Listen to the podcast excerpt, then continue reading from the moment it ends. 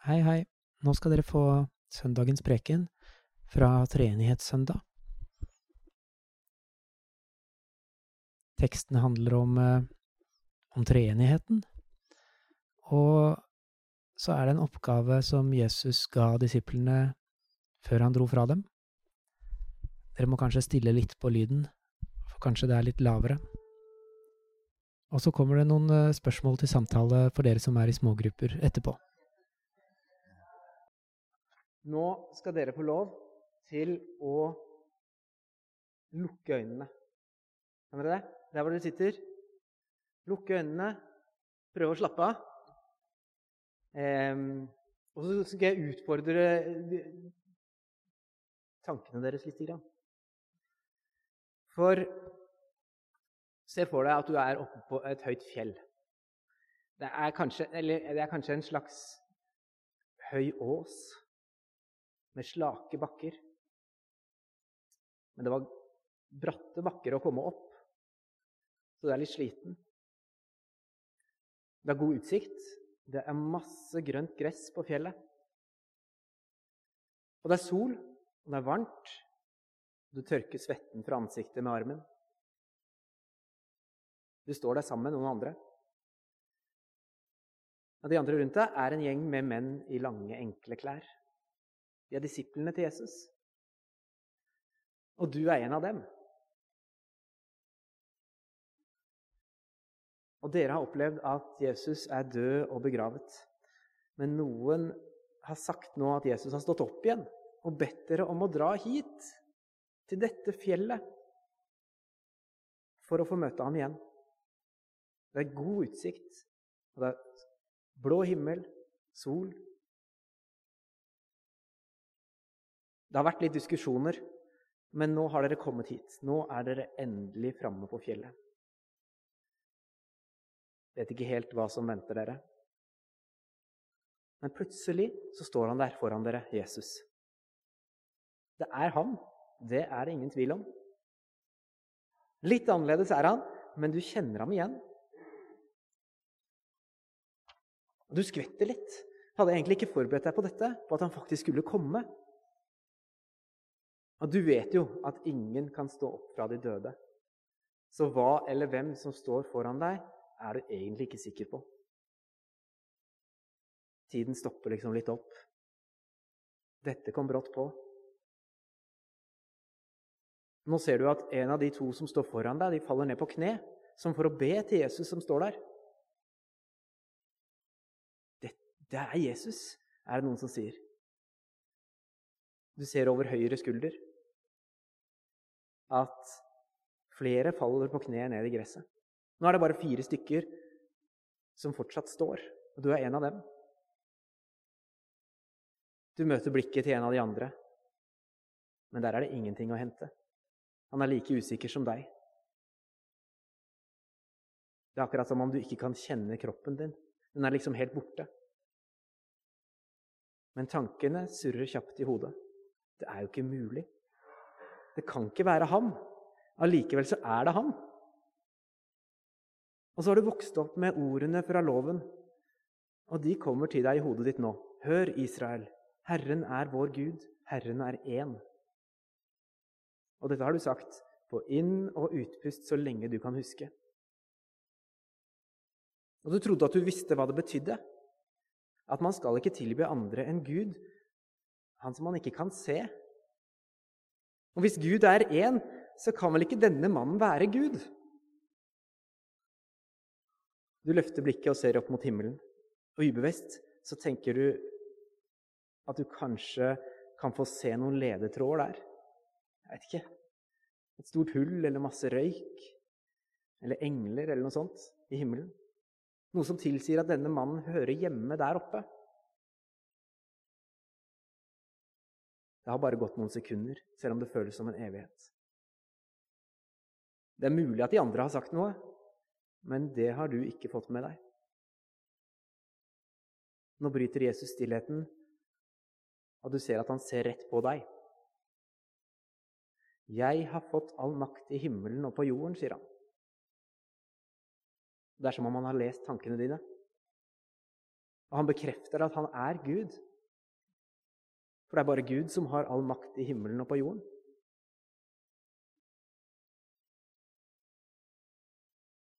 Nå kan dere åpne øynene. Jesus svarer på det de tenker der oppe, som er kanskje ikke så lett å få med seg for oss som bare leser denne teksten for første gang. De, han svarer på det som de ikke har sagt høyt. Han sier, 'Jeg har fått all makt i himmelen og på jorden'. Altså, jeg er Gud, og Gud er meg. Jeg skal lese hele teksten fra Matteus 28. De elleve disiplene dro til Galilea, til fjellet der Jesus hadde sagt at han ville møte dem. Da de fikk se ham, falt de ned og tilba ham, men noen tvilte. Da trådte Jesus fram og talte til dem. Jeg har fått all makt i himmelen og på jorden. Gå derfor og gjør alle folkeslag til disipler. Døp dem til Faderens og Sønnens og Den hellige ånds navn, og lær dem å holde alt det jeg har befalt dere. Og se, jeg er med dere alle dager, inntil verdens ende. Slik lyder det hellige evangelium.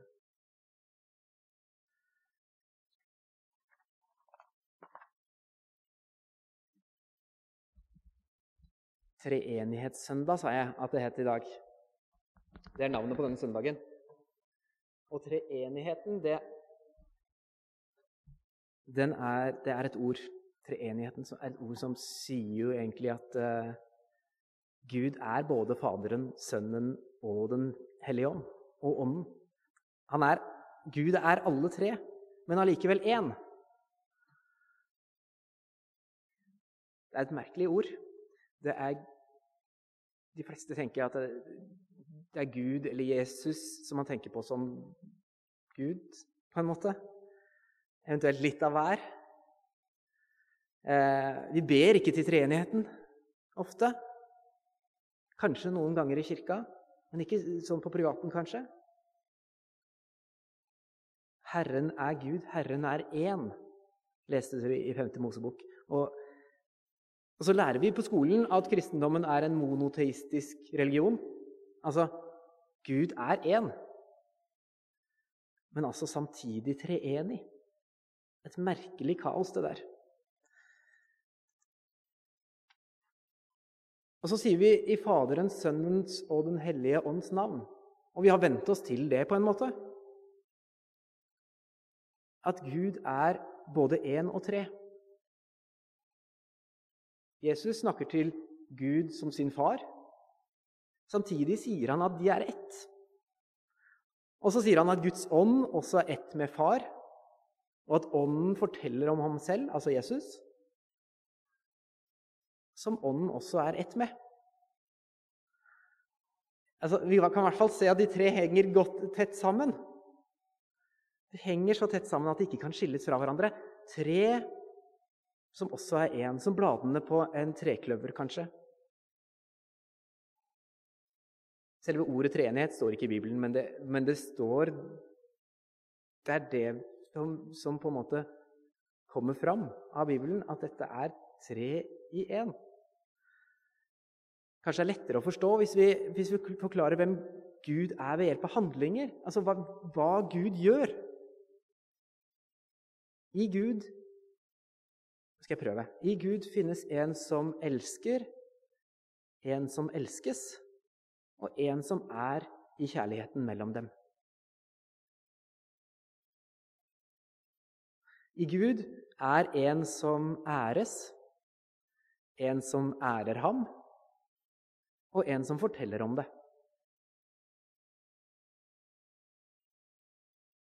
I Gud er en som sender ut, en som blir utsendt, og en som vitner om det. Eller forteller om det. I Gud finnes en som skaper, en som gjenforener det skapte med ham. Og, som, og en som blir i det skapte for å gi det liv og fellesskap. Hvis dere hang med på det, så, så det er imponerende. Men det, det, er kanskje litt lettere å forstå sånn. Ja, dette betyr i hvert fall at vi, vi tror ikke på tre guder, men at Gud viser seg på tre forskjellige måter. Gud har skapt verden og opprettholder den, men er også den Gud som kommer til verden i Jesus, og som er her hos oss i Den hellige ånd. Uansett hvor mange ord vi bruker, så er det vanskelig for oss å skjønne. Men når vi snakker om Gud, om det Han har gjort for oss og gjør for oss, om hvordan Gud vil at vi skal ha fellesskap med ham og med hverandre, så snakker vi egentlig om hele treenigheten til vanlig.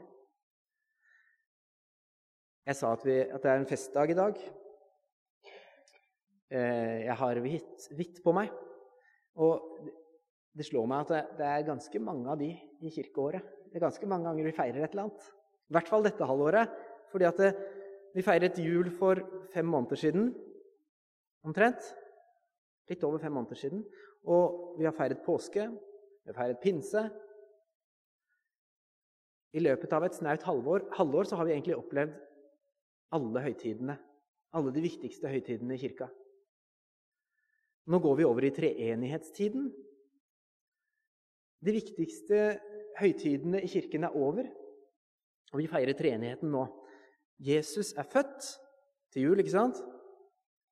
Og Jesus er død og oppstått påske og dratt til himmelen, Kristi himmelfart. Og Den hellige ånd er kommet i pinsen. Hva nå? Hva skjer nå framover? Fram til jul? Og hva skjer, skjer framover? Hva er det vi skal fokusere på framover nå i livet vårt? Det tenkte de nok oppe på fjellet også, de som sto der oppe. Hva skjer nå? Jesus hadde bekreftet at, han er Gud, at han er ett med Faderen og Ånden. Og så På fjellet forteller Jesus disiplene hva som skal skje videre i det som kalles dåpsbefalingen, eller misjonsbefalingen. Fortellingen om hvem Gud er og hans kjærlighet til oss, skal spres utover. Det er det neste som skal skje. Guds rike skal vokse. Og denne veksten den skal skje i hvert enkelt menneske som blir en elev av Jesus. Og nå blir den liturgiske fargen den blir grønn, som gresset. Og som vi ser her ute, at det vokser og spirer. Og den grønnfargen den skal minne oss om at tiden framover er preget av vekst og modning. Gå derfor og gjør alle folkeslag til disipler, sier Jesus. Mange hører nok disse ordene som, som, et, som et litt sånn spark i rumpa. Gå derfor ut men i den greske teksten så står det mer som 'gående da omkring', faktisk. Så det er, en, det er mer en beskrivelse av hva disiplene gjør allerede, hvordan disiplene lever allerede. De er i bevegelse. De går omkring. Vi blir ikke bedt om å gå, egentlig, men vi blir bedt Nei, vi blir beskrevet som de som går. Vi blir ikke bedt om å gå, men vi blir beskrevet som de som går. Gående da omkring, fortell om Jesus. Kirken er en rastløs bevegelse, egentlig, med et kall. Å gjøre ordene om Jesus levende i hvert enkelt menneske. Og spre hans kjærlighet til alle. Men det gjør vi der vi til enhver tid er. Jeg syns det er fint å bruke litt sånne skole, skolemetaforer om det Jesus ber oss om å gjøre i misjonsbefalingen. Eh, jeg har skrevet noe om lite grann. Jeg vet ikke om dere kjenner dere igjen her nå, men vi får se. Gjør alle til mine elever. Skriv dem, skriv dem inn på skolen til den treenige Gud. Der kommer den treenige Gud igjen. Og vis dem ved å gjøre som meg. Og se, læreren er med dere hele tiden. For ordet disippel er egentlig det samme som elev. En som fortsetter å lære. En som ikke stopper å lære. Det er en kontinuerlig prosess, det å lære. Å være en elev, det er noe man er lenge. Og, og vi er det egentlig gjennom hele livet. Elever av Jesus. Og så er en elev en som følger læreren og lærer av ham. Ikke bare av hva læreren sier, men også av hva han gjør. Følg meg, sier Jesus. Og han ber oss om å bli hans elever. Og dåpen, dåpen tenker jeg, Når vi blir bedt om å døpe, så er dåpen innskrivingen på skolen, egentlig. Og sammen med de andre elevene, så da har man mulighet til å leve tett på læreren etter at man er døpt. Leve tett på læreren og vokse både i kunnskap og modenhet. Det er ikke bare kunnskap som læres bort på Guds skole. Det å følge Jesus, det er jo å være elev og gå i hans fotspor. La seg farge av hvem læreren er, og ta til seg det som læreren er og gir. Jeg syns måten Jesus underviser på, er spennende. Han står ikke egentlig og lærer bort læresetninger. Han går sammen med elevene. Går sammen med oss. Så de kan bli som han.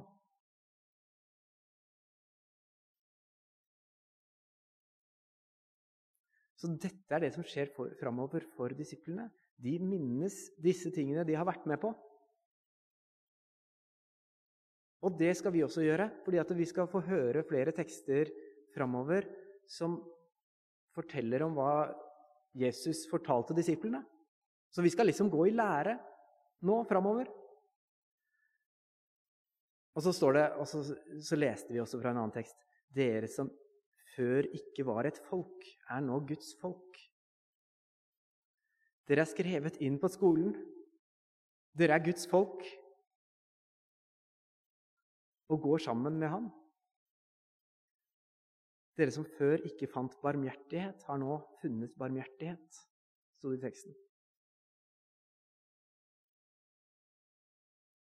Og så sier han også i misjonsbefalingen Og se, jeg er med dere alle dager, inn til verdens ende.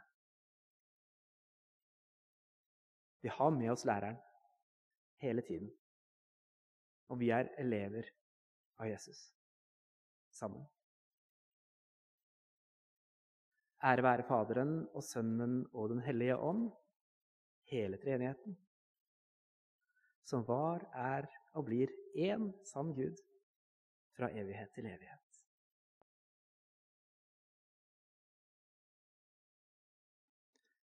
Her kommer noen spørsmål til samtale for dere som er i smågrupper.